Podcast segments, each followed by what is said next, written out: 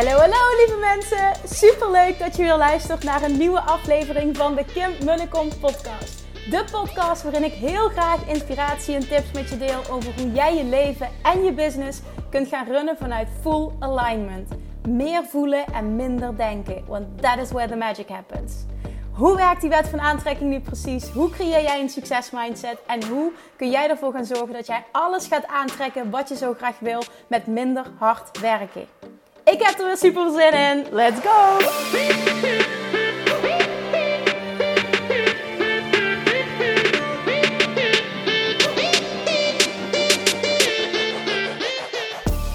Good morning!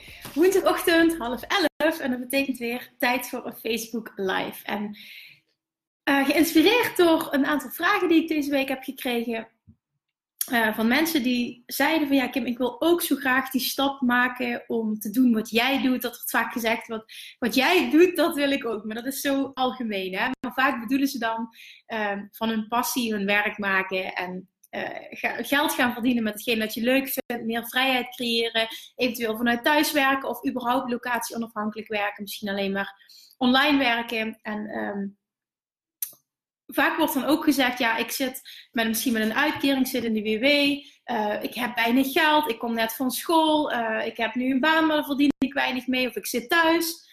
Um, maar dat wil niet zeggen dat het niet kan. Want ik wil vandaag wil ik eventjes, ik wil mijn verhaal delen. Uh, daarnaast wil ik wat tips geven en ik wil nog wat voorbeelden noemen van mensen die ik heb mogen coachen, die precies in hetzelfde schuitje zaten en die nu de grootste successen hebben behaald. Nou, ik hoop dat je wat kan en ik hoop heel erg dat uh, als je kijkt en je hebt een vraag of je wil gewoon even hoi zeggen, dat vind ik ontzettend leuk als je even laat weten dat je kijkt. Uh, dan hoef je verder nog geen vraag te hebben, maar heb je een vraag, ook tussendoor, stel die alsjeblieft, onderbreek me maar gewoon, dat is geen probleem. Nou, wat we gaan doen is, ik ga beginnen met um, een stukje eigen verhaal vertellen, want ik ben zelf namelijk ook begonnen met eigenlijk helemaal niks als ik heel eerlijk ben, eigenlijk helemaal niks. Op het moment dat ik startte, had ik, nu ga ik even heel eerlijk zijn, op het moment dat ik startte, had ik niet eens, um, ik had niet eens mijn studie afgerond. Ik heb rechten gestudeerd, maar um, ik had mijn scriptie nog niet geschreven. En ik hikte daar enorm tegenaan. En ondertussen had ik al een baan dus bij de rechtbank. De bedoeling was eerst voor één dag in de week. En dat, dat, uh, er werd, was zoveel werk dat ik daar meer kon gaan werken. En in het begin vond ik dat helemaal spannend en leuk en nieuw en fantastisch dat ik was uitgekozen. Maar toen, na verloop van tijd, um, realiseerde ik me wel van ja, weet je, ik zit gewoon in een hokje de hele dag. Um, het, het, was gewoon niet wat, wat mijn passie was en waar mijn kwaliteiten lagen. Want ik, was, ik werkte als um, uh, jurist op de rechtbank in Maastricht, uh, strafsector. En één keer per week had ik dan een zitting en dan mocht ik met. Met de rechter mee. En dan uh, hadden we een zaak de hele dag, hadden we al verschillende zaken. Dat was echt super interessant. Maar de rest van de tijd ben je bezig met dossiers voorbereiden, achteraf met vonnissen schrijven. En dan zat ik gewoon in een hokje achter mijn computer de hele dag te werken. En als ik één ding niet leuk vind, is het dat vastzitten op één plek en in een hokje zitten. Dat is gewoon niet mijn ding, daar word ik niet gelukkig van. Maar in het begin was ik zo trots en blij dat ik die baan had gekregen, want er waren 140 sollicitanten. We waren met twee dames uitgekozen. Frederik, goedemorgen, leuk dat je even hoi zegt leuk dat je kijkt. Um, en Ineke is, is er ook. Oh, leuk Ineke, goedemorgen. Dat je ook weer even nu kijkt. Maar wat ik dus wilde zeggen, dat ik trots was op, op dat ik was uitgekozen, maar na verloop van tijd ga je wel gewoon ook zien van ja, weet je, wat, wat wil je nou echt? En heel duidelijk, want dat merk ik ook heel veel mensen tegenaan lopen, wat is nou echt mijn passie? Ik weet het niet. En het is ook niet erg om het niet helemaal te weten, maar vaak weet je wel wat je niet wil. En vanuit daar kun je ook stapjes zetten. Ik merkte heel duidelijk, dit is wat ik niet wil. En dat wilde niet zeggen dat ik toen dacht van, oh ja, ik ga voor mezelf beginnen en ik ga als voedingsdeskundige werken, ik ga anderen helpen om af te vallen, want ik ben zelf heel veel afgevallen, ik wil mijn methode, wil ik anderen gaan leren, want dat werkt. Dat ik van tevoren dacht dat dat mijn absolute passie was. Uh, dat dat het helemaal was. Nee, dat wist ik niet. Maar ik had wel zoiets, een situatie waar ik nu in zit, ben ik niet gelukkig en hier wil ik sowieso uit. Dus dat was één ding wat zeker was. En dat maakte ook dat die keuze snel gemaakt was. Dus wat ik toen gedaan heb, um, dat raad ik je trouwens niet aan, want ik weet niet of ik dat de tweede keer zo zou doen. Maar ik heb toen vrij plotseling, eigenlijk na twee weken dat ik besloten had om um, te stoppen op de rechtbank, heb ik ontslag genomen zonder een plan B. En dat was op zich goed, want daardoor had ik heel veel druk om er wat van te maken. Maar aan de andere kant, ja, ik denk niet dat iedereen, er, uh, dat iedereen zo in elkaar zit dat die, die druk kan verdragen. Ik persoonlijk kan er dan goed mee omgaan, maar niet iedereen zit op die manier in elkaar. Dus dat is niet het advies dat ik wil geven. Wat, wat ik wou vertellen is, op, toen ik dat deed, had ik dus echt heel weinig geld. Ik, ik zat eigenlijk nog op school. Ik was aan het studeren, ik moest mijn hele eigen studie betalen. En uh, ik had helemaal niks. En wat ik wel wist, ik wil een opleiding gaan doen. Um, ik wil een praktijkruimte gaan huren. Dat kost me ook heel veel geld zonder dat ik klanten had. Ja, wat is heel veel geld? Maar als je niks hebt, is alles heel veel geld. En uh, ik wil een, een, hele professionele weegschaal, zodat ik mensen iets kan bieden wat ze thuis niet hadden. Dat, dat, was, dat is voor mij, was dat heel duidelijk, dat wilde ik. Dus ik wilde uh, die praktijkruimte huren, ik wilde die opleiding gaan doen en ik wilde die weegschaal kopen. Nou, als je weet wat ik op mijn bankrekening had, dan, en die opleiding was thuisstudie, dus dat, kost in verhouding heel weinig. Dus die, uh, dat, dat was prima, dat lukte allemaal, daar ben ik gewoon mee gestart. En um, gedurende die opleiding kreeg ik dus een kans uh, om bij een gezondheidscentrum een ruimte te gaan huren. Er kwam een advertentie in de krant en uh, daar reageerde ik op. Toen mocht ik een presentatie geven daar en dat klikte heel erg en toen mocht ik daar een ruimte gaan huren. En in mijn enthousiasme en daarnaast in mijn volle overtuiging dat ik dit voor elkaar zou krijgen, Waar het vandaan kwam, weet ik niet. Maar ik voelde zo sterk, net of dat dat iets, ja, misschien te zweverig van boven was. Ik voelde zo sterk de overtuiging, dit gaat lukken. Dat ik dus die, um, een handtekening heb gezet onder een huurcontract van twee jaar. En dat was een huur van, ja, wat was het toen? Ik denk 300 euro per maand.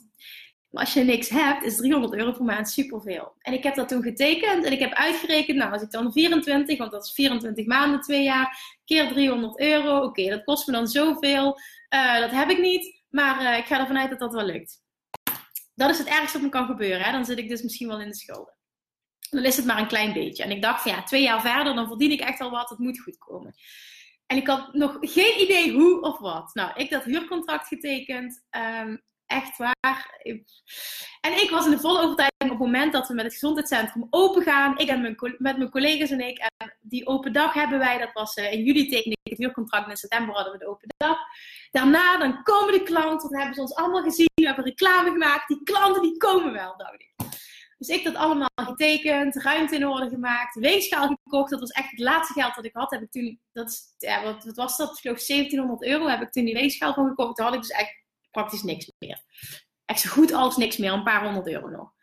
En um, toen ben ik wel daarna, ook vrij snel, ben ik er een baantje naast gaan zoeken, want ik moest wel inkomen hebben. Dus ik ben toen, uh, ik heb van alles gedaan. Ik heb in een kledingwinkel gewerkt, maar wat ik voornamelijk heb gedaan is tennisles gegeven. Dus ik ben begonnen met drie uurtjes in de week, dus nou, daar verdien je ook heel weinig mee. En die mensen op die club, die waren toen zo enthousiast dat ze ineens allemaal tennislessen wilden. Dat was fantastisch. Dus toen ging ik van, van, uh, van drie uh, naar 18 tot 20 uur in de week. Nou, daar kon ik me van redden. Ik had een basisinkomen. En uh, nou ja, toen kon ik dus overdag kon ik in mijn praktijk werken. En vanaf de middag, later in de middag en de avond gaf ik dan tennisles. En zo kon ik het gaan opbouwen. Dus absoluut mijn tip als je wil starten als zelfstandig ondernemer.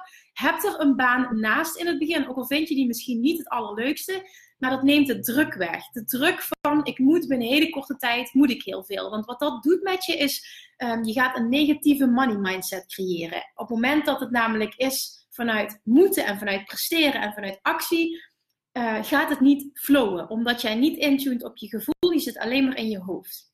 Dus absoluut, neem er een baan naast, zoek er een baan naast. Voor mij was het ideaal dat ik het kon combineren, omdat ik s'avonds uh, dan die lessen gaf en overdag uh, mijn praktijk kon opbouwen. Nou, misschien kun je ook wel zoiets doen, of een baantje in de horeca, of whatever. Misschien een aantal dagen, zodat je die andere dagen voor jezelf kan beginnen.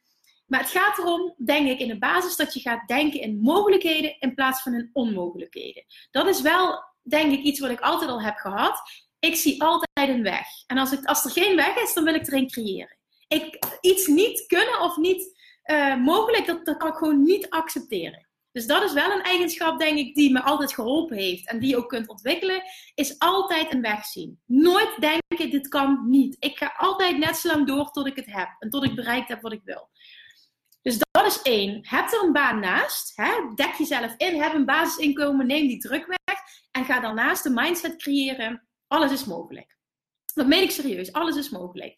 En wat je dan gaat doen, is kijken, oké, wat wil ik? Wat heb ik nodig? Wil ik uh, bijvoorbeeld als coach, wil ik een praktijkruimte huren? Of uh, wil ik een webshop gaan, uh, gaan starten? Of wil ik kleding gaan verkopen? Wil ik dat in een winkel doen? Of wil ik dat thuis doen? Of wil ik als kapsel beginnen? Ga eens na, wat wil je precies? En dan niet nadenken over wat je allemaal kan, qua kosten, maar wat je graag zou willen. Want daar begint het mee. Echt het, het ideale plaatje schetsen voor jezelf. Dan ga je eens opschrijven uh, wat zou je willen? Zou je een praktijkruimte willen huren? Nou, net als ik bijvoorbeeld. Hè? Oké, dan schrijf je op 300 euro in de maand voor die praktijkruimte. Daarnaast wil je misschien een website laten bouwen. Je wil reclamemateriaal ontwikkelen. Misschien heb je nog iets nodig van um, inboedel voor uh, spullen voor in die praktijk. Ga je eens alle kosten op een rijtje zetten. Nou, dan kijk je dan, oké, wat heb ik nu op dit moment nog te besteden? Nu op dit moment, is het realistisch om dat allemaal te willen? Heb ik dat geld? Zo niet, als dat gewoon eventjes te veel is, dan ga je kijken, oké, wat is eventjes op dit moment het minst belangrijke? Is het nodig dat je meteen start, bijvoorbeeld met het huren van een ruimte? Misschien kun je ook wel simpeler starten, waarbij je minder kosten hebt. En dan bedoel ik bijvoorbeeld, misschien kun je wel uh, meteen online starten. Dus dat je echt plek onafhankelijk bent. Dat je volledig een online business gaat opbouwen. Dat is in deze tijd echt ja, een hype, super hip. Maar ja, ik snap het, want ik wil het zelf ook. Omdat je volledig onafhankelijk bent van tijd, van plaats, van, van alles. Bijvoorbeeld vandaag, en ik neem mijn laptop gewoon mee, ik ga gewoon werken. Maar vanavond um, pak ik het vliegtuig naar Alicante en gaan we een aantal dagen naar vrienden toe in Alicante. En dat kan gewoon, want ik kan mijn merk meenemen. En dat is de grootste, vind ik persoonlijk, de grootste vrijheid die je maar kan hebben. En het is niet, weet je, vrijheid kan ook zijn dat je thuis bent als je moment dat je kinderen thuiskomen. Dat is ook zo lekker aan het zelfstandige zijn. Dus ga eens na, wat heb ik daadwerkelijk aan kosten nodig en waar kan ik op besparen? Wat ik toen ook gedaan heb, wat me heel erg geholpen heeft, is dat ik ben gaan kijken naar mijn uitgiftepatroon in het algemeen. En waar ik op kan gaan besparen. Dus ik heb bijvoorbeeld abonnementen die ik had, heb ik opgezegd. Ik ging uh, veel um, strakker boodschappen doen. Ik ging, uit, uh, ging kijken wat geef ik uit aan kleding, wat kan daar anders, wat kan ik op mijn, mijn wekelijkse boodschappen besparen. En overal ging ik wat van afhalen, waardoor ik dus continu eigenlijk wat ik eerst uitgaf ging sparen. Nou, daardoor had ik dus meer mogelijkheden om in mijn bedrijf te stoppen. Want die mindset in het begin, en dat heb ik nu nog steeds, ik doe heel veel en bijna alles um, met nadenken over uh, hoe kan ik dit investeren in mijn bedrijf. Esther, goedemorgen. Nou, Esther, is leuk dat jij kijkt, want uh, Esther die is zelfstandige geworden in een periode dat ze in de WW zat met een uitkering. En zij is gewoon weer haar praktijk gestart. Dus Esther, ik kom daar zo meteen even op terug. Um, nou, het is niet, geen probleem dat je de eerste 10 minuten hebt gemist, maar ik ga je zo meteen eventjes om raad vragen, Esther. Dus kan je dagelijkse uh, uitgaven eens onder de loep nemen en ga eens kijken wat je allemaal niet nodig hebt. Ik heb een goedkoper, bijvoorbeeld een goedkoper telefoonabonnement genomen. Uh, andere abonnementen ben ik gaan opzeggen. Ik ben, uh, die boodschappen ben ik heel veel gaan besparen op kleding. Niet dat ik zoveel uitgaf, maar ik ben gewoon nog meer gaan opletten. En dat heeft zo enorm veel uitgemaakt, waardoor ik dus ja, letterlijk geld overhield en dat stopte ik in mijn bedrijf. En ik ben wel altijd heel erg zo geweest van uh, investeren heb je, is nodig om te groeien. En als je in het begin weinig hebt, kun je weinig investeren. Maar als je meer hebt, kun je meer investeren, waardoor je weer meer kan groeien. Investeren is echt cruciaal. Nou, wat ben ik toen gaan doen? Dus die opleiding liep. Uh, ik had die praktijkruimte, het huurcontract getekend. Maar toen, toen um, ging in, in september hadden we dus die open dag. En ik dacht, oh, zo meteen gaan die klanten komen. En dan dacht ik ook superleuk, kan ik mijn passie gaan uitvoeren, komt er geld binnen. En toen was die open dag geweest. En de volgende dag reed ik naar de praktijk toe. En ik wilde om negen uur beginnen met werken. Echt heel bleut als ik er zo achteraf over nadenk. Ik dacht echt, ik ga dan werken, ik ga dan zitten. En uh, het begint. Maar ja, wat een bullshit natuurlijk, het begint. Want als jij geen klanten hebt, wat begint er dan? Dan begint er dus helemaal niks. Dus ik zat daar. En toen realiseerde ik me pas, het was de maandag na het weekend dat we de open dagen hadden. Oh my god, wat heb ik gedaan? Toen kwam er ineens, toen, toen raakte het me, toen kwam het binnen oh mijn god, ik heb een huurcontract getekend van twee jaar. Ik heb het geld niet, ik heb geen klanten, ik weet niet hoe klanten moet krijgen, ik weet niet wat ondernemen is. Oh my god, en nu? Nou, toen sloeg even de paniek in. En uh, toen heb ik mijn moeder gebeld. Ik kan me dat helemaal nog herinneren. Dat was, ik denk 27 september 2011. Dat is zeven jaar geleden bijna. En uh, toen heb ik even met haar gepraat. En zei ze, je hebt die keuze, heb jij bewust genomen? Heb je, heb je wel overwogen genomen? Jij kan dit, jij gelooft in jezelf. En mijn moeder is heel erg van de zekerheid. Dus het was voor mij behoorlijk verrassend dat ze zo tegen mij sprak. Dat gaf me ook heel veel zelfvertrouwen. Geloof in jezelf, jij kan dat. En er gaat een oplossing komen. Dat is wat ze tegen mij zei. En toen ben ik rustig geworden. Toen dacht ik, ja, klopt, ik wil dit en ik kan dit. En die overtuiging heb ik altijd gehad, dus waarom is die nu weg? En ik ga uitvogelen hoe ik dit voor elkaar ga krijgen. En wat ik toen ben gaan doen, toen ben ik gaan nadenken, ben ik gaan kijken naar wat zijn dingen die ik kan doen om ervoor te zorgen dat het me geen geld kost. Want ja, ik had niks om te besteden. En dat ik er toch voor kan zorgen dat veel mensen gaan weten dat ik er ben. Want ik was wel overtuigd van hetgeen wat ik kon. Ik wist, met mijn methode ga ik mensen helpen met afvallen. Dat was 100% zekerheid. Ehm, hoe kan ik ervoor zorgen dus dat ik mensen bereik zonder dat het me geld kost? Nou, toen heb ik twee dingen gedaan, maar er zijn nog heel veel andere dingen die je kan doen. Want social media was toen nog niet echt zo'n dingetje, dus ik was er niet echt actief op. Toen ben ik um, um, uh, Wowdeal ben ik aan gaan schrijven. Wowdeal, Social Deal, Groupon. Ik weet niet of je het kent.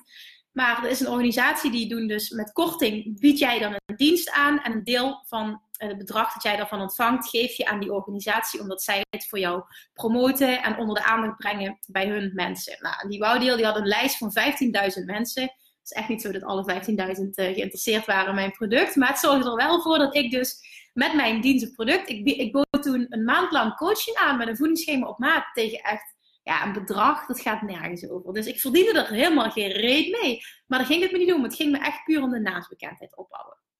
Dat is één wat ik toen heb gedaan. Die Wowdeal, die hebben toen 25 mensen gekocht. Dus 25 mensen wilden een maand lang door mij gecoacht worden. Nou, wat, wat ik dus creëerde is wel dat ik het ineens heel druk had. Ik verdiende geen reet, maar ik had het wel heel druk. En ik deed ervaring op en ik leerde mensen kennen. En uh, nou ja, goed, ik leerde ook gewoon goed coachen. En toen, van die 25, want het ging heel goed en dat was wel echt goed voor mijn zelfvertrouwen. Het ging heel goed, resultaten waren echt verbluffend. Iedereen viel af. Van die 25 mensen wilden dus na die maand, wilden 12 mensen wilden door een vervolgtraject. En mijn vervolgtraject kostte toen 295 euro. Dus 12 mensen namen een product van 300 euro af. Dat was wel lekker, want dan kon ik weer even mijn huur betalen. Dus dat was de eerste stap. En dat gaf mij, ik denk het belangrijkste, ik praat nu over het geld en hoe dat, dat ging, maar ik denk het belangrijkste wat mij dat had opgeleverd is het zelfvertrouwen. Het vertrouwen, de feedback die ik dus kreeg van mensen. Ehm, we vinden het goed wat jij doet, je helpt ons echt en we willen hiervoor betalen. Dat was hetgeen wat ik nodig had. En dat, dat sterkte mij zo, dat vertrouwen, dat ik wist: oké, als ik hierin, hiermee doorga en echt nog meer manier, manieren ga zoeken. Uh, waardoor ik klanten kan bereiken. Ik kom er wel achter. Het gaat me vast wel lukken. Dan ga ik gewoon hiermee geld verdienen. Ik kan dit. Want mensen willen ervoor betalen. Dat, dat blijkt nu wel weer. Nou, wat ik toen daarnaast ook nog ben gaan doen, naast dus die wow ben ik echt alles en iedereen die ik maar kon bedenken, die ik in mijn netwerk had, die ik gegoogeld had, alles en iedereen. En dat, ja, dat was echt een lijst van, ja, ik weet het niet, 30, 40, 50 instanties, uh, uh, personen, zorginstellingen. Ik ben iedereen gaan bellen, of persoonlijk er naartoe gegaan, of gemaild. Dat is even van hoe ze daarop reageerden, maar vaak heb ik gewoon gebeld. Um, om contact te leggen met bijvoorbeeld fysiotherapeuten, met osteopaten, met uh, sportscholen, met personal trainers, met bedrijven, met bibliotheken, met, uh, met, met, met middelbare scholen. Ik weet niet wat ik allemaal gedaan heb. Yoga, um, uh, wat was het nog meer? Beauty instituten, schoonheidssalons. alles wat je maar kon bedenken. Ik ging naar een netwerkbijeenkomst. Echt alles wat je maar kon bedenken om onder de mensen te komen, om onder de aandacht te komen, heb ik toen gedaan. Heel vaak ook nee te horen, maar omdat ik zo'n grote lijst had, ik denk dat het er wel bijna ja, 40, 50 waren die ik toen gebeld en benaderd heb, heel veel huisartsen ook, kreeg ik ook behoorlijk wat ja's. En vanuit die ja's ging ik dus gratis aanbieden om een presentatie te geven, bijvoorbeeld voor een fysiotherapeut. Zei ik van nou, ik wil wel gratis een lezing geven, een presentatie of een workshop waar jij op zit te wachten voor jouw klanten, zodat jij die mensen iets extra's kan bieden en ik ervoor kan zorgen dat ik dus bij een nieuw publiek onder de aandacht kom. Nou, dat heb ik dus gedaan en dat heeft me ook echt ontzettend veel opgeleverd. En natuurlijk is dat heel makkelijk gezegd, maar de eerste keer scheet ik echt in mijn broek. Want ja, je bent net bezig, je hebt heel weinig ervaring je bent bang dat je vragen gaat krijgen van mensen waar je geen antwoord op kunt verzinnen. Ik denk dat je dat wel herkent. Is er iemand die zich hierin herkent als ik dit nu vertel? Dat je denkt van ja, dat wil ik ook wel doen, maar ik ben zo bang. En ik snap het, hè? Dus wie, wie, wie wil dat delen? Sinta lacht. Nou, als je me niet uitlacht, Sinta. Maar goed, ik was zo bang. En toen um, weet ik nog dat ik toen, um, dat was een van de eerste samenwerkingen, ging toen naar een uh, bootcamp-instructeur toe. En die had al een hele grote um, database van klanten had hij. En ik ging daar naartoe en toen zei hij, ja, wat wil je graag doen? Ik vroeg, nou, wat heb jij nodig? Wat denk je dat ik voor jouw uh, klanten zou kunnen betekenen? Nou, zegt hij, veel mensen die sporten wel, maar die willen ook afvallen. En ik heb te weinig kaas gegeten van het voedingsstuk, dus zou je niet willen uh, een lezing komen geven over hoe je kunt uh, naast het sporten echt op je voeding moet letten, wat je moet doen, wat, waar de tips en tricks zitten, zodat ze, dat mijn klanten ook gaan afvallen, dat ze dat, dat stuk ook onder de knie krijgen. Want dat, dat kan ik gewoon onvoldoende. En ik zei, oké, ja, dat is goed. Toen vroeg ik van, heb je een idee hoeveel mensen er komen? Nee, zegt hij, ik deel het gewoon uit. Ik vertel het in al mijn groepen. En dan zien we wel wat er komt. Dus ik dacht, ja, weet je, daar zitten zo meteen een man of tien, hè, vijftien als ik geluk heb. We zouden het gewoon in die loods doen, waar hij dan bootcamp trainingen gaf. Ik dacht, nou, dan, ik nam een beamer mee. Ik had een presentatie voorbereid. In het begin was super eng, dus ik had netjes alles op een blaadje geschreven met steekwoorden. En ik dacht, dan kan ik daar een tafel of kan ergens tegenaan leunen en dan komt het helemaal goed. Nou, op de dag zelf, het was tijd voor die presentatie. En ehm, toen uh, kwam ik daar. En er was nog een les gaande. En naast die les kwamen er dus allemaal, al allemaal mensen te wachten op die presentatie. En wat was nu? Er kwamen dus 56 mensen kwamen naar die presentatie toe. En ik zag die mensen en ik kreeg het ook benauwd en buikpijn. En oh, ik heb me zo slecht gevoeld van tevoren. Mijn beste vriend was, was met me mee, Jordi. En ik vertelde, ik zeg, oh, ik heb echt een neiging om me om te draaien. Ik kan dit niet. En, en het waren allemaal sporters. En ik denk, wat heb ik die nu te vertellen? Want die weten al zoveel. Dus ik was zo ontzettend nerveus. Dat is ongelooflijk. Dat was ja, een van de vervelendste momenten van tevoren uh, in mijn carrière, denk ik wel, als we het hebben over presenteren. Maar goed, ik had het afgesproken. Ik was al daar. Ik moest het doen. Ik had mijn beamer bij me. Die les was afgelopen. Ja, Kim, zet het maar op, zei hij. Dus ik ging het opbouwen. Jordi die hielp me gelukkig. Ik was blij dat er iemand bij was, want anders weet ik echt niet hoe ik het gered had. En uh, toen zei ik, ja, kan ik misschien een uh, tafel krijgen of iets? Uh, om, om, om tegenaan te staan of... nee, nee, heb ik niet. Nee, het is gewoon een loods. Hè. We hebben hier verder geen attributen. Dus ik dacht echt, dus ik moet gewoon midden in een hal gaan staan met 56 mensen om me heen. Met een papiertje als een onnozele en dan gaan vertellen. Ik denk, nee, ik ga echt dik af, dit gaan we niet doen. Dus dat heb ik toen gedaan. Ik ben naast de tafel gaan staan waar die beamer op, uh, op stond. En toen heb ik dat papiertje maar gewoon weggegooid. Ik had toch een presentatie met wat sheets. En ik dacht, ja Kim, je moet het toch doen. Je hebt kennis. Doe het maar gewoon. Dus ik heb vanuit het vertrouwen, ik vind het nu nog knap voor mezelf, alles losgelaten. Ik ben daar gaan staan en de zenuwen die gierden door mijn lijf. En ik begon. En de eerste zin was, ja, wat is nou gezond? Waar denk je aan als je nadenkt over gezondheid? Wat is voor jou nou gezondheid? Wie wil daar iets over zeggen? En dat waren allemaal jongeren, zeg maar. Er zaten heel veel mannen bij. En naast mij, iedereen zat ook op de grond. Dus naast mij zat een, eh, een man of een jongen. En die zei, niet kotsen, riep hij. En iedereen begon te lachen.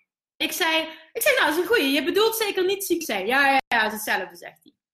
En iedereen begon te lachen. En omdat iedereen begon te lachen, werd een soort van het ijs gebroken. Ik vroeg, wat is nou gezond voor jou? En hij riep, ja, niet kotsen. Ik denk, oh nee, dan begint het al. Hè? We hebben dat soort types in de zaal zitten.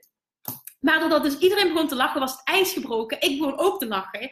En was het een soort van relaxte sfeer meteen.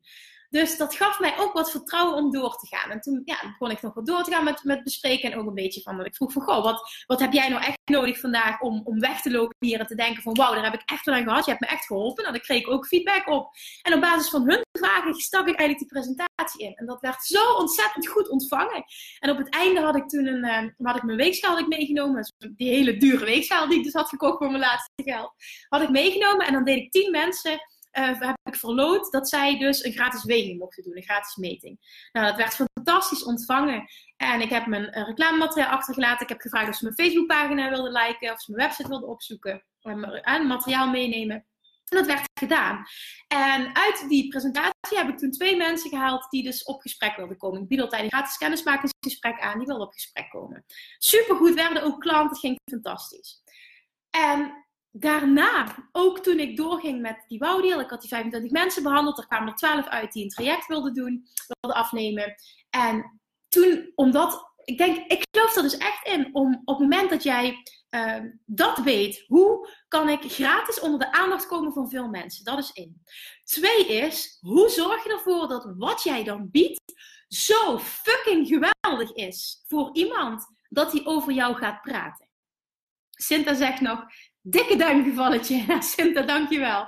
En Frederik zegt ook, ik herken het. En Ineke zegt ook, ik herken het. Ja, wat goed. Fijn om dit te horen. Want jullie zijn echt niet de enige. En, en weet dat het, ik denk iedereen overkomt die nu nog um, dingen moet doen die hij eng vindt of moet spreken op een podium.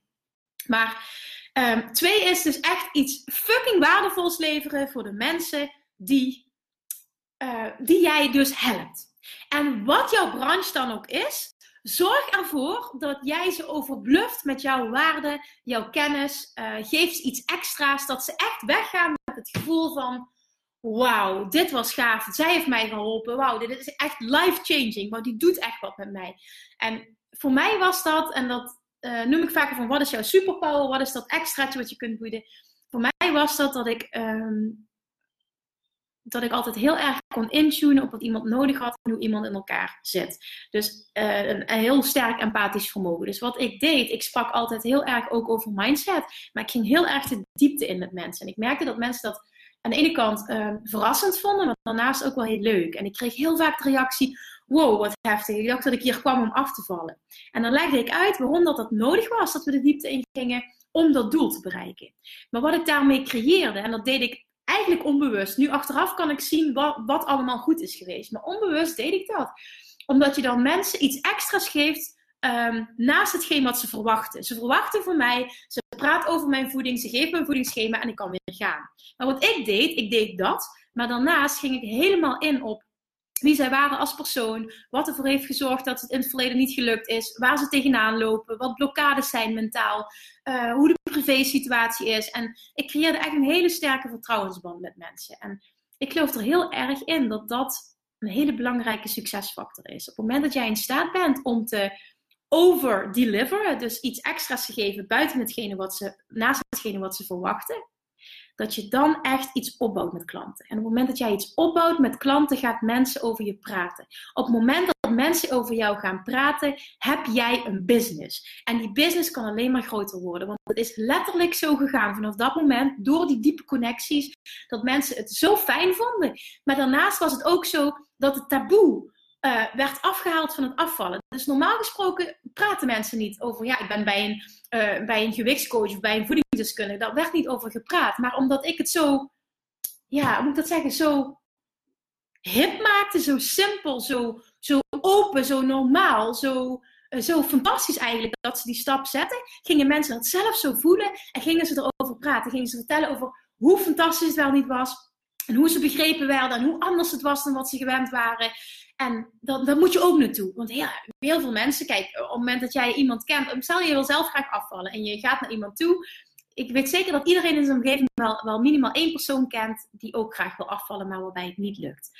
En logisch, op het moment dat jij een fantastische ervaring hebt, dat anderen daarover gaan praten. Dus stel nou, die persoon die kwam bij mij, die had een fantastisch resultaat, plus ze voelde zich echt gehoord en echt geholpen voor de lange termijn. Die ging erover praten, nou wat ik nu heb meegemaakt, waar ik terecht ben gekomen. Oh, dat is echt fantastisch, dat zou ook wat voor jou zijn. Het is helemaal anders dan hoe het normaal gaat. Zo werd daarover gepraat. En vanuit die 12 mensen, dus eerst 25 die een bouwdeel kochten, toen 12 mensen die een traject afnamen. Van die 12 hebben al die 12 hebben nog eens 12 mensen meegenomen. Dus allemaal eentje uh, die ook bij mij klant werd. En toen had ik er 24. En vanuit die 24 kwamen er weer mensen. En zo groeide en groeide en groeide het. Alleen maar op basis van mond-tot-mond -mond reclame. Plus, dat wil ik niet um, uitvlakken. Ik heb daarnaast ben ik wel continu de eerste twee jaar van mijn bedrijf bezig geweest met zichtbaar worden. Presentaties geven, gewoon twee jaar lang overal verschijnen, bedrijven benaderen. Als ik nee hoorde, jammer dan, volgende. Niet bang zijn om nee te horen te krijgen. Want wat is er erg aan nee? Weet je, dan, dan is het jammer, maar dan heb je het wel geprobeerd. Als je het niet doet, heb je sowieso een nee en heb je sowieso geen kansen dat het beter wordt met je bedrijf. Dat je meer geld gaat verdienen, dat je meer, onder meer mensen onder de aandacht komt. Dus ik was nooit bang om nee te horen. Ik ging er vol voor en als ik dan 50 mensen wilde benaderen en dan zeiden er uh, bij wijze van spreken vier ja, was ik happy. En dat is ook een hele belangrijke instelling, een hele belangrijke mindset om te hebben. Dus even samenvattend, hè? Want ik, ik ga zo meteen nog eventjes verder de diepte in. Ik wil ook nog Esther wat vragen. Even samenvattend tot nu toe. Als je weinig geld hebt. Wat heel belangrijk is om te doen, om te kijken, ten eerste, je dagelijks leven, waar kun je kosten besparen om extra in je bedrijf te stoppen. Daarnaast, hoe kun je een mindset creëren die ervoor zorgt dat jij gaat nadenken over alles is mogelijk en dat je denkt over hoe ga ik het voor elkaar krijgen in plaats van of dat je het voor elkaar gaat krijgen. Dat is denken in positieve en overvloed uh, in plaats van negatieve en tekorten. En als laatste nog, um, hoeveel kosten heb je daadwerkelijk nodig om je bedrijf te starten? Het enige wat je echt nodig hebt is een website en misschien wat reclamemateriaal als je offline wil werken. Dus als je ergens een praktijk hebt of wat dan ook. Meer dan dat heb je niet nodig. Dan begin je maar vanuit huis. Of je begint een webshop of wat dan ook. En op het moment dat je een paar klanten hebt, kun je altijd nog een praktijkruimte huren. Het hoeft niet veel geld te kosten. Juist door het risico klein te houden, zorg je ervoor dat er eigenlijk niks fout kan gaan. Veel mensen durven de stap niet te zetten. En dat is ook dat mindsetstuk, omdat ze bang zijn als het niet lukt, wat anderen daarvan zullen vinden.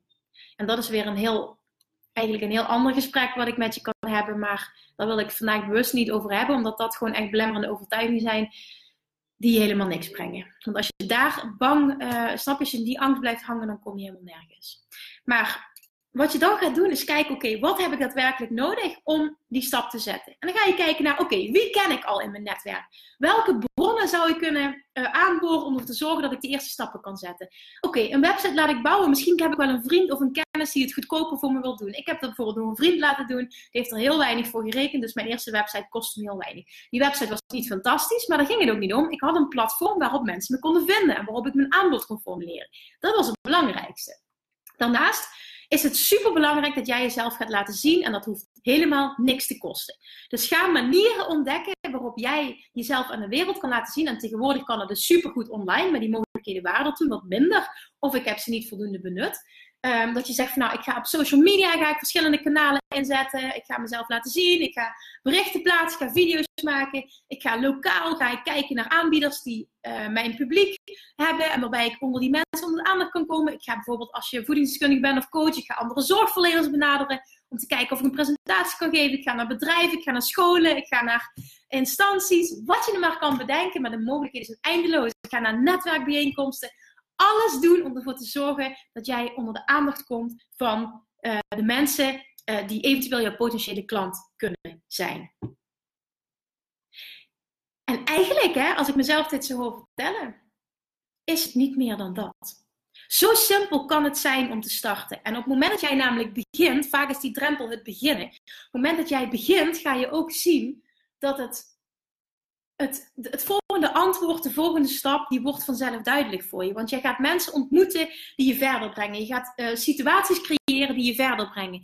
En door een stap te zetten, ontvouwt de volgende stap zich vanzelf. Het wordt voor je duidelijk. Dat is, dat is echt iets wat je ook van mij mag aannemen. Op het moment dat je daarop vertrouwt, dan wordt duidelijk wat de volgende stap wordt. Voor mij was gewoon heel duidelijk, oké, die mond-tot-mond reclame, dat werkt dus echt supergoed. En ik kreeg heel vaak terug, ja, ik, ik, ik hoor dus van eh, mijn vriendin, um, ja, dat het bij jou, dat jij verder kijkt dan voeding alleen. Denk na over hoe dat jij, als je een klant hebt, hoe dat jij um, kunt, extra waarde kunt geven, iets kunt geven wat ze niet verwachten. In welke branche dan ook maar zit, hè.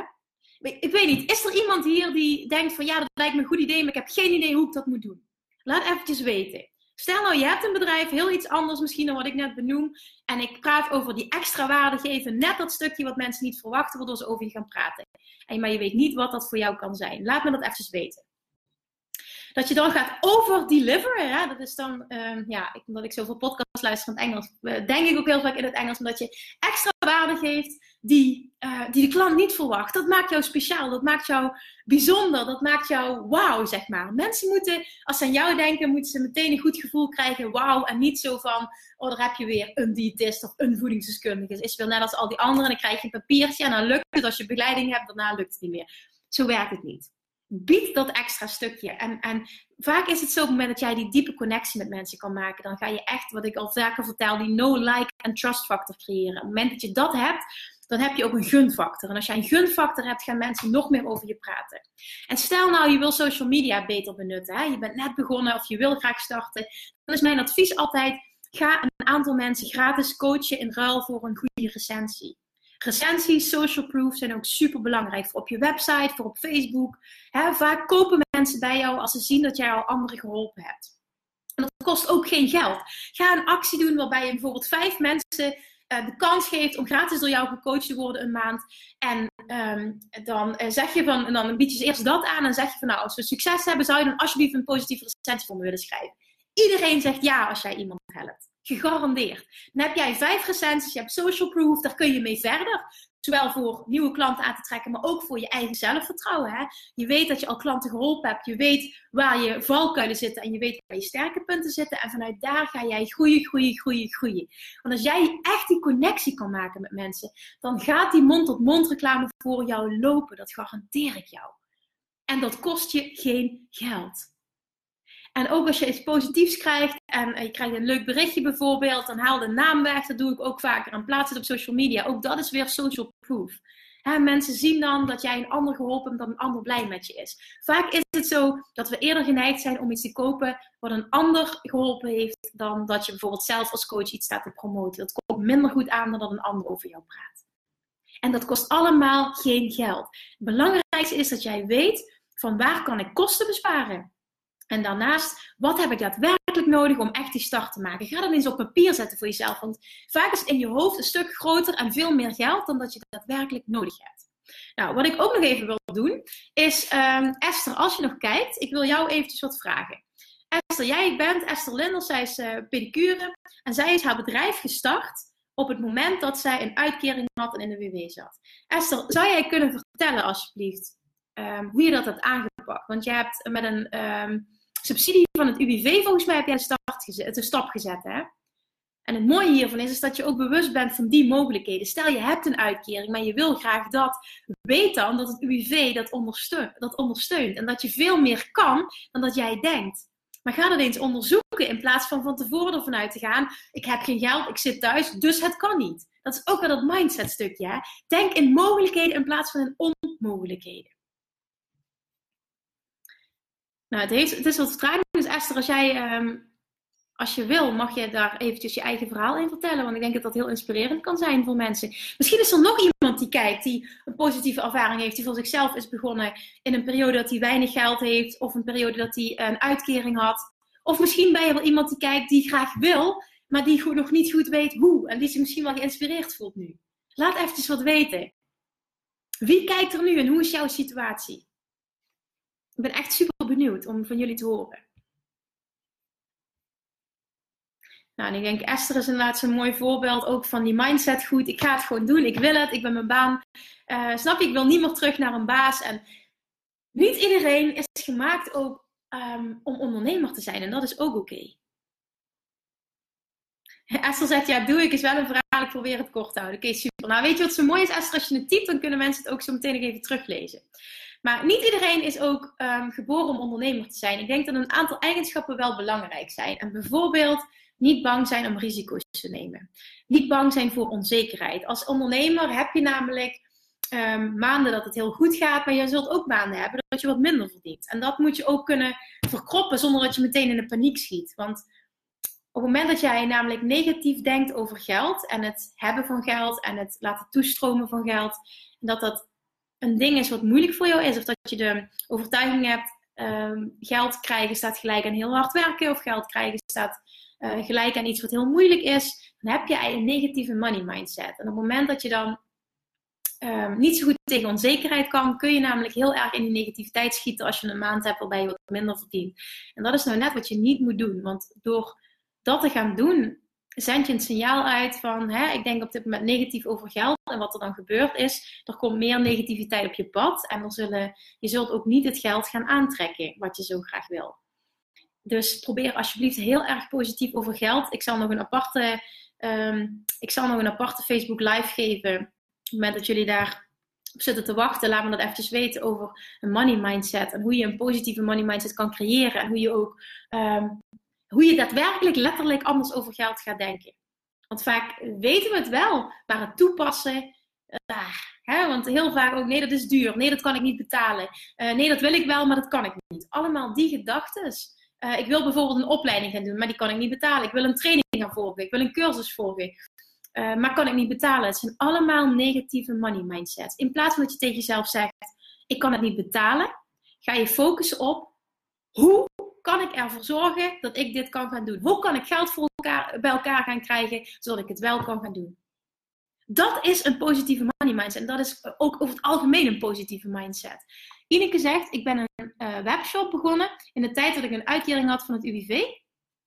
Oké, wacht, verspringt eventjes. Maar met redelijke hulp van vrienden. De webshop was van hun en ik heb die langzaamaan overgenomen. Sinds juni vorig jaar. Nu dus al een jaar geleden zijn de vier webshops volledig voor mij. Ik wil mij graag een nieuwe webshop opstarten. Alleen totaal geen idee hoe ik dit moet aanpakken. Welke producten um, zou je redelijk succes mee kunnen hebben. Maar Ineke, mag ik vragen, als je al vier webshops hebt, hè, waarom wil je dan nog een nieuwe? En waarom zou je niet willen focussen op die vier webshops veel winstgevender maken en veel beter maken?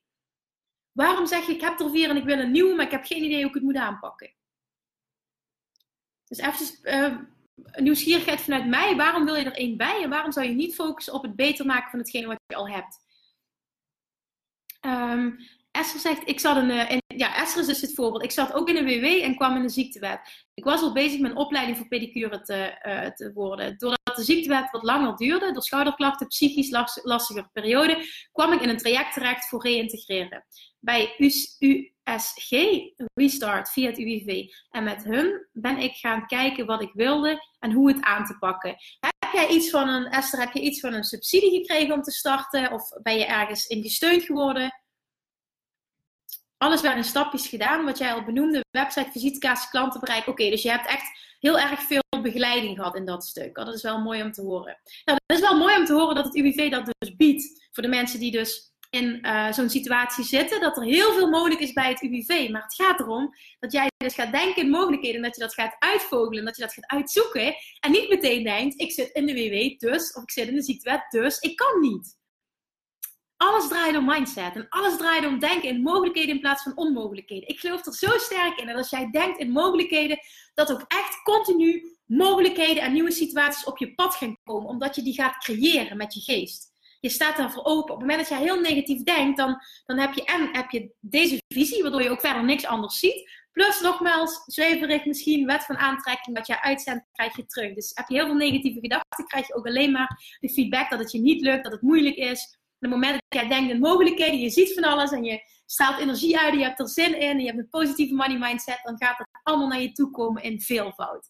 En dat is ook echt mijn ervaring. Mijn mindset heeft er bij mij voor gezorgd dat ik, uh, dat ik zo ver ben gekomen. Ik ben, ja, hè, ik heb daarna de transitie kunnen maken naar en dit bedrijf en nog een bedrijf als business coach daarnaast. En het loopt helemaal fantastisch. En dat heeft ja, ik durf bijna te zeggen, alles met mindset te maken. Natuurlijk ook met het, creëren van concrete strategieën. Ik heb natuurlijk super veel geleerd. Ik heb ook heel veel aangepakt. Ik heb mezelf overal laten zien. Dat heeft er, allemaal bij. Maar de basis is die mindset. En het denken in mogelijkheden in plaats van onmogelijkheden. Praat je niks aan wat er niet is.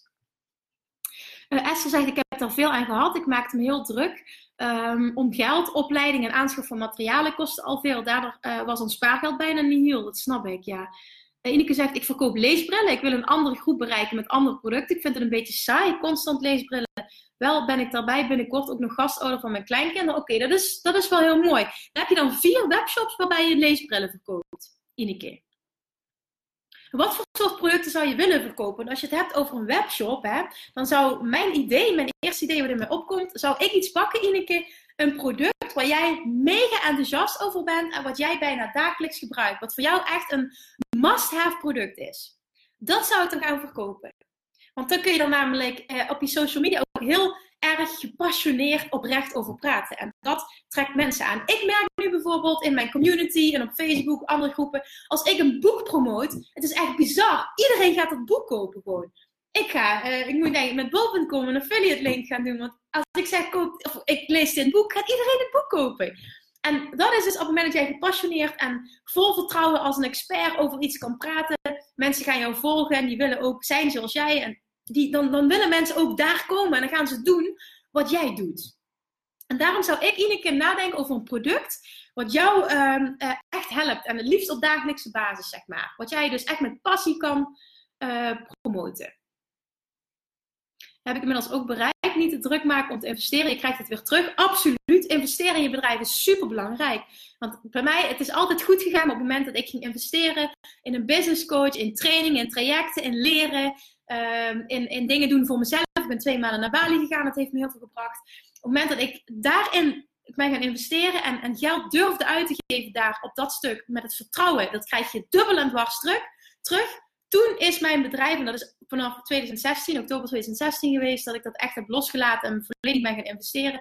Toen is mijn bedrijf echt sky high gegaan. Het ging eerder ook oké, maar toen is het gaan groeien als een, als een gek. En ook vooral hier, hier is het gaan groeien. Mijn mindset, mijn, mijn, mijn, mijn zelfvertrouwen, mijn mogelijkheden, mijn, ja, het is zo ontzettend belangrijk.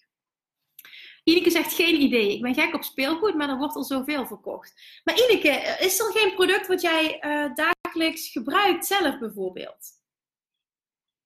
Kun je iets bedenken? Iets van uh, verzorgingsproducten? Ik noem maar even iets. Iets waar je echt gewoon verknocht aan bent. Of, of iets van uh, gezonde dingen. Of ik, ik noem maar even iets. Hè? Het kan van alles zijn. Esther zegt nee, ik had wel nog de WW. Wat ik werd verminderd op de WW. Oké, die WW heb ik een jaar gehad als aanvulling vanaf dat ik gestart ben. En toen maakte ik me de hele tijd druk om dat er maar genoeg klanten komen. Nu komen ze vanzelf. Vooral door mond-op-mond reclame. Yes, en via Facebook. Wat ik als extra aanbied, tenminste wat de mensen prettig vinden, is een heerlijke voetmassage als afsluiter. Nou, daar heb je het, Esther. Je praat over die mond-op-mond reclame en die komt tot stand doordat je en al langer bezig bent. Maar ook doordat jij iets extra's biedt. En dat is zo ontzettend belangrijk om je te realiseren. Mensen komen bij jou met een bepaald idee. Maar op het moment dat jij veel meer kunt bieden en echt dat extraatje, die wow-factor aan mensen kunt geven, wat ze niet verwachten en waar ze in eerste instantie ook niet voorkomen, wat ze wel fantastisch vinden, dan gaan mensen over jou praten. Creëer die wow-factor. En als je dat kan doen, dan loopt die mond-tot-mond reclame als een tierenlier. En dat is een mooi essel dat jij dat ook eventjes deelt, dat het bij jou precies zo is gegaan. Dat sterkt misschien mensen die nu in die beginfase zitten of überhaupt nog niks opgezet hebben, maar uh, heel bang zijn om stappen te zetten. Fantastisch. Ineke zegt mooi houtspeelgoed. Ineke, heb je dan, want op zich is dat wel een idee, maar wat belangrijk is denk ik als jij een nieuwe markt gaat aanboren, dat je wel onderzoek doet of dat, daar, um, of dat mensen daarop zitten te wachten. Want je kan wel iets doen wat jij zelf fantastisch vindt aan de ene kant, maar op het moment dat daar niemand op zit te wachten, ga je het niet verkopen. Dus dan zou ik wel marktonderzoek doen, bijvoorbeeld op social media. Of uh, uh, ik weet niet of je een e-maillijst hebt van vorige klanten, dat je mensen gaat mailen, dat je vrienden gaat vragen, wat vinden jullie daarvan? Zoveel mogelijk marktonderzoek doen. Omdat het vaak wel belangrijk is dat je iets, verkoopt wat, ja, wat, wat men wil. Esther zegt als enige uh, is dus dat het reïntegratietraject werd dan wel betaald vanuit het UWV. Ja, oké. Maar er zijn meer mensen die dat kunnen doen op die manier. Esther, dus het is echt goed dat je het Cynthia zegt, ik zou graag iets voor mezelf starten op het gebied van coaching, vooral in zelfliefde. Maar ik hou mezelf steeds voor dat eerst een opleiding moet behalen, terwijl ik intuïtief zelf een heel eind kom. En hier raak ik zelf een beetje onzeker door, terwijl ik weet dat ik het kan. Nou, Cynthia, dat vind ik een hele goede dat jij dat zegt. Want het is echt, nou, tenminste, dat is mijn visie. Het is de reinste bullshit, de puurste bullshit, dat jij eerst een afleiding, opleiding af moet hebben voor je iets kunt starten. Want ik heb, um, ja, ik, ik doe alles op basis van mijn ervaring. En ik heb wel een opleiding als voedingsdeskundige, maar die heb ik puur gedaan zodat mensen mijn begeleiding vergoed krijgen. in ieder geval voor een groot gedeelte. Daarom heb ik een opleiding gedaan en niet omdat ik vond dat ik het nodig had. Ja, dat klinkt heel arrogant, maar aan de andere kant moet je dat niet arrogant oppakken. Dat moet je oppakken als zoveel vertrouwen hebben in je eigen kunnen en in je eigen ervaring. Dat je weet dat je daarmee mensen kunt helpen en kunt raken. En dat is zoveel meer waard dan 100.000 opleidingen.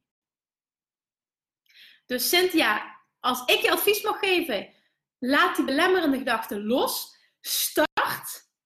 En vanuit daar ontvouwt zich het pad. Je hebt die opleiding niet nodig. Ik ben uiteindelijk had ik die opleiding als voedingsdeskundige niet eens eens af toen ik mijn praktijk startte.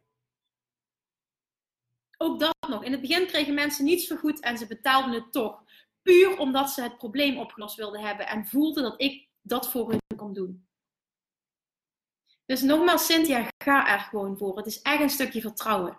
Want opleiding, uh, die doen het vaak op een andere manier dan dat jij wil. En dat maakt je ook weer onzeker. En het is niet zo dat ik anti-opleiding ben, absoluut niet. Maar vaak is het zo dat onze ervaring de, de, grootste superpower is die we maar kunnen hebben om anderen te begeleiden. Zeker als je het hebt over coaching.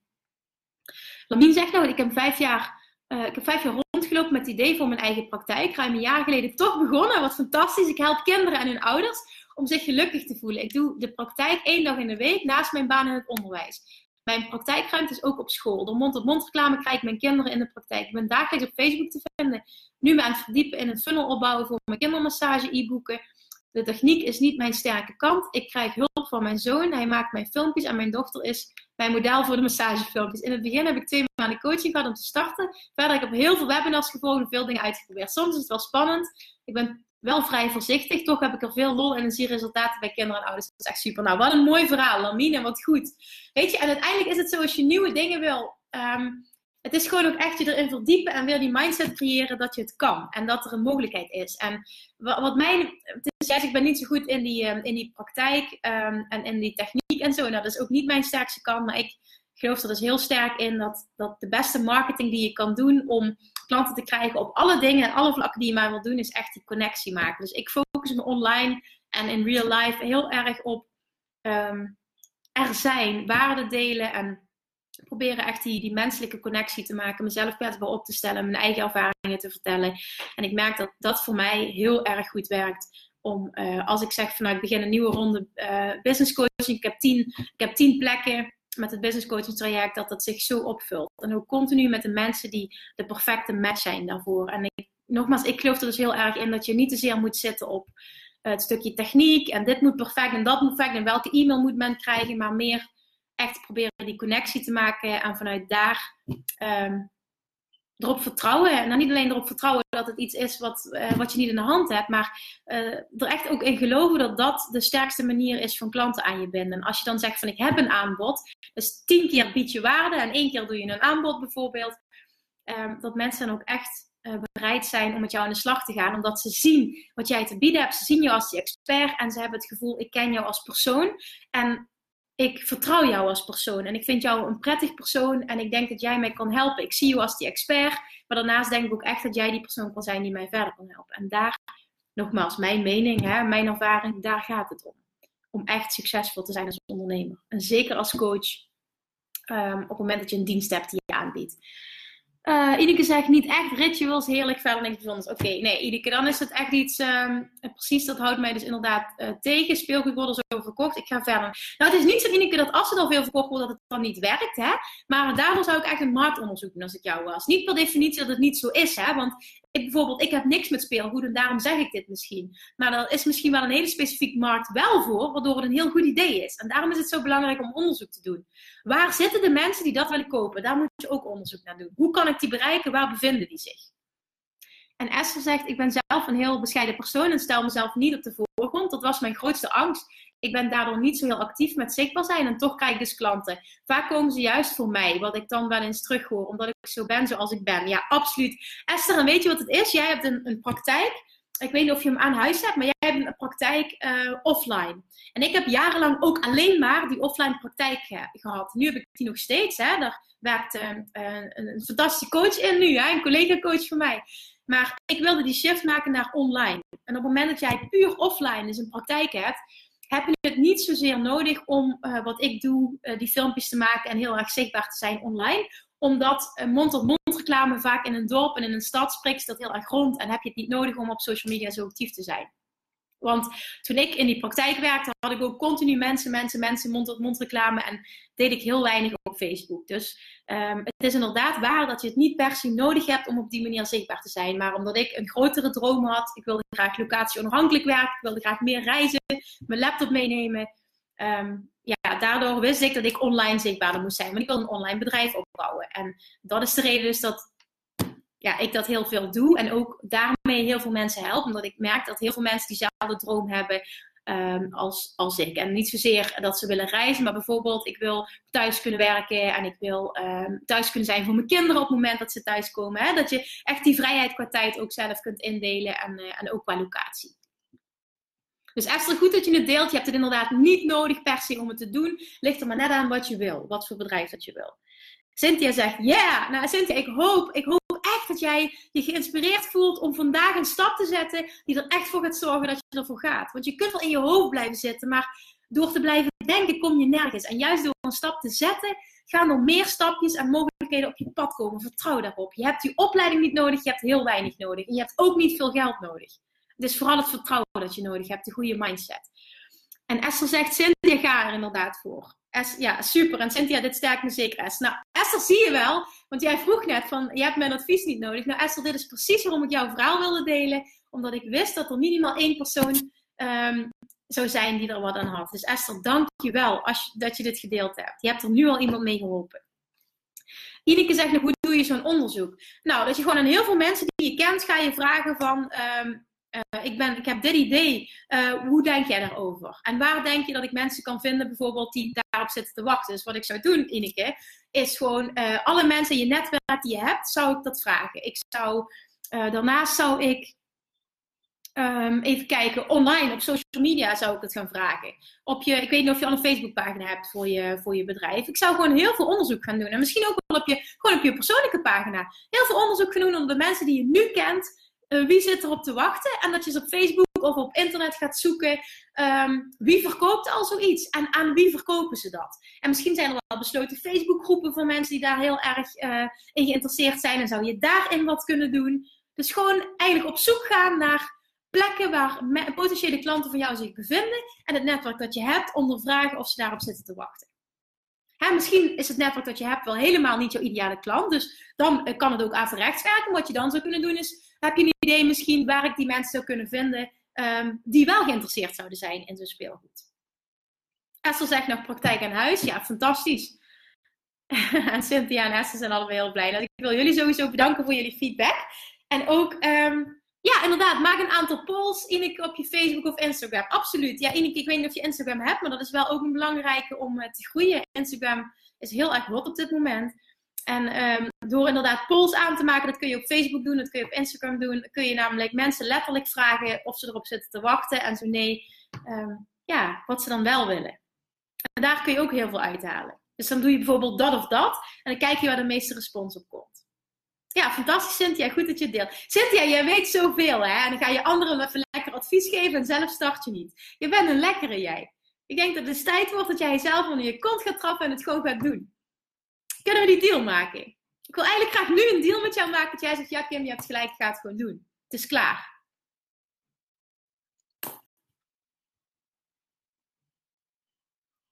Uh, Instagram heb ik, maar doe ik nog niks mee, moet ik inderdaad ook kunnen. Oké, top. Nou, één dan doe dat. En misschien, uh, ja, je hebt, ik weet dat je een dochter hebt, die kan je daar vast ook mee helpen als je daar wat extra informatie voor nodig hebt. Uh, Ineke zegt nog dankjewel, Cynthia. Ja, superleuk. Dames, vind het top hoe jullie elkaar inspireren en, en upliften. Ja, superleuk. Cynthia en Ineke en Esther, fantastisch. Kijk, door, door dit te delen hebben jullie elkaar gewoon geholpen vandaag. Hoe fantastisch is dit? Geweldig. Echt, ik ben heel blij met jullie. Is er nog iemand die een vraag heeft? Wie kan ik nog helpen? Mag ook een hele andere vraag zijn op het gebied van ondernemen. Stel hem. Cynthia zegt, ik zou graag willen uh, campus in oktober. Ik zit in de WSNP. Ik mag geen onderneming hebben. Wat is, w, wat, ben ik, wat is WSNP? Dat is een hele domme vraag voor mij. Kijk nu wat ik zelf zei. Domme vraag. Er bestaan geen domme vragen. Oké. Vergeten. Um, ik kan pas in oktober, want ik zit in de WSNP. Wat is in godsnaam de WSNP? En Cynthia, wat je wel al kan doen, is misschien nog niet direct uh, die onderneming starten, maar je zou wel al een aanbod kunnen formuleren en kunnen vertellen dat je vanaf oktober start. Dat je nu al gaat druppelen op social media, vertellen wat je gaat doen, heel veel waarde delen. Dat is allemaal wat je nu al kan doen. En dan kom je in, in oktober kom je met een aanbod. Oh, en de schuldhulpverlening. Oké, oké, oké. Nou, dat is dan een ander, uh, een ander iets. Oké, sorry. Maar dat maakt niet uit, maar dat betekent even goed dat je gratis op social media waarde kan delen. Je kan alvast na gaan denken over een aanbod. En dat je dan um, in oktober, dat je de mensen warm hebt gemaakt voor hetgene wat jij gaat doen. In oktober mag je, dan creëer je een aanbod. Dan kun je betalende klant creëren. Het enige wat je hoeft te doen is je in te schrijven uh, bij de Kamer van Koophandel. En dan heb je een bedrijf. Zo simpel is het. Echt inschrijven bij de Kamer van Koophandel, een simpele website laten maken en je kunt van start. Meer dan dat is het echt niet. Dus dat zou ik doen. Want wat, wat niet werkt, Cynthia, is dat je wacht tot oktober en dan ineens gaat vertellen: Ja, hier ben ik. Want dan gaat niemand bij je kopen. Niemand gaat een traject bij je afnemen. Wat je moet doen is nu al druppelen, alleen maar zetten op waarde. Het is eigenlijk een fantastische situatie waar je in zit, want je hebt niks om te verkopen. Dus mensen gaan je volgen om alles wat je, wat je aan waarde geeft. En dan in oktober ga je al vertellen van tevoren: Nou, ik ga in oktober lanceer ik dit. En dan ga je gewoon dat doen. Tada! Dat is een goed idee, zegt ze. Nou, fantastisch, Cynthia. Dus heb een deal. Jij maakt, jij creëert nu de money mindset en de mindset in het algemeen om ervoor te gaan en om het toch te doen, om die waarde te creëren. Frederik zegt nog, ik ben gewichtsconsulent. De naam is de gezonde afslag. ik heb nu een verkeersbord gemaakt, daar geef ik leuke beweegtips op. We moeten minder zitten en dat doen we door vaker te bewegen. Ja, absoluut. Maar Frederik, zou je kunnen nadenken over manieren waarop jij iets extra's kan bieden voor mensen? Want um, dit is natuurlijk fantastisch wat je doet. Alleen, dit doet, doen alle gewichtsconsulenten. Hè? Iedereen weet, minder zitten, meer bewegen, dat dat goed voor je is. Wat kun jij doen, of misschien als je een, een klantervaring hebt, als klanten bij je komen, wat kan jij bieden als extraatje wat iemand niet verwacht, waardoor je die wow-factor creëert? Dat is waardoor je meer klanten gaat krijgen. Dus echt die wow-factor creëren. Bied iets aan, die klant komt bij je en dan uh, lever je veel meer of veel dieper of wat dan ook dan wat die klant verwacht. En dan kan je echt die mond-tot-mond reclame gaat lopen als een dolle gewoon. Dat is echt de sleutel tot succes. Dus kijk eens, uh, Frederik, of je daarover na kan denken. En misschien zijn er nog wel mensen die nu luisteren, die kijken, of die het achteraf terugkijken en die een idee hebben van hoe Frederik dat zou kunnen doen. Ik zie dat Ineke en Cynthia en Esther zo lekker bezig zijn met elkaar inspireren, dus misschien uh, kan, uh, kan Frederik er ook nog wel even lekker bij. Frederik zegt, um, ze mee laten doen aan een nieuw bewegingsprogramma, ze kunnen daar fitcoins verdienen. Oké, en met die fitcoins um, kunnen ze weer iets kopen dan? Of kunnen ze weer iets extra's krijgen? Of wat kunnen ze dan met die fitcoins? En heb je al mensen, Frederik, die dat doen en die er enthousiast over zijn? Vaak is het ook zo gewoon een aantal dingen uittesten en kijken wat mensen willen. Die fitcoins kunnen ze dan weer inwisselen voor producten. Ah, oh, oké, ik snap het. Oké, dat is wel leuk. Heb je al mensen die dat doen en die daar enthousiast over zijn? Want dat is de beste feedback die je kan krijgen, de feedback van je klanten. En dat je daar dan wat mee doet. Dus die wow-factor creëren, zo ontzettend belangrijk. Dat maakt jou bijzonder. Al heb je gewoon een offline praktijk, dan hoef je minder dat je zegt van nou, ik vind video's maken helemaal niks. Nou, dan doe je, dat, doe je dat niet, want het hoeft niet. Dat hoeft alleen maar als je echt zegt van nou, ik wil meer een online business opbouwen. En dat je dan uh, gaat kijken van oké, hoe kan ik voor mijn klanten die wow-factor creëren? Dat ze komen voor iets en dat ik compleet uh, meer geef of iets anders geef of iets, iets extra's geef wat ze niet verwacht hebben. Waarbij ze echt zeggen van, oh wauw, fantastisch. Ik ben niet alleen geholpen, maar ik ben ook echt ja, helemaal verbluft van wat ik gekregen heb. En um, dan gaan mensen over je praten. Oké, okay, Frederik zei, ik heb er nog geen klanten voor. Oké, okay, dat is wel interessant, Frederik, als je wel klanten hebt. Dat je dan gaat kijken, hoe reageren klanten erop? Zitten ze daarop te wachten? En is het ook nog, denk ik, van, eh, zijn het vrouwen, zijn het mannen? En in hoeverre dat men daarin geïnteresseerd is. Maar dat is echt iets wat je uit moet, uh, wat je uit moet testen. Dus eerst ervoor zorgen dat je dus klanten krijgt voor dat programma. Hoe ga je dat doen? Weet je dat al? Hoe ga je ervoor zorgen dat je klanten krijgt voor je beweegprogramma? Hoef je trouwens niet nu meteen antwoord op te geven als je zegt van ik weet het niet. Maar laat dat wel eens eventjes de uh, belangrijkste stap zijn nu. Ga zorgen dat je klanten krijgt. Ga dan kijken wat voor feedback geef je klanten. Misschien hebben je klanten nog wel tips en ideeën. Ga je daarmee aan de slag. Oké, laatste keer. Stel ik nog één keer de vraag. Wie heeft echt nu nog een vraag?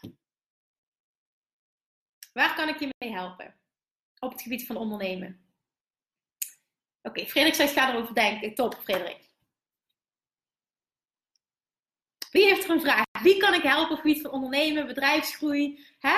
andere mindset creëren misschien, want dat is zo belangrijk. Ik moet afsluiten. Dankjewel voor je tips. Hele fijne dag allemaal. Nou, Ineke, jij ook dankjewel. En als er niemand er is die een vraag heeft, we zijn echt ontzettend lang bezig vandaag, maar dat is niet erg. Ik denk dat het een hele waardevolle Facebook Live was. Um, dan wil ik jullie ook super bedanken voor de interactie, super bedanken voor uh, de, ja, gewoon de feedback en, en de kwetsbaarheid en het durven vertellen over je eigen situatie en het vragen stellen.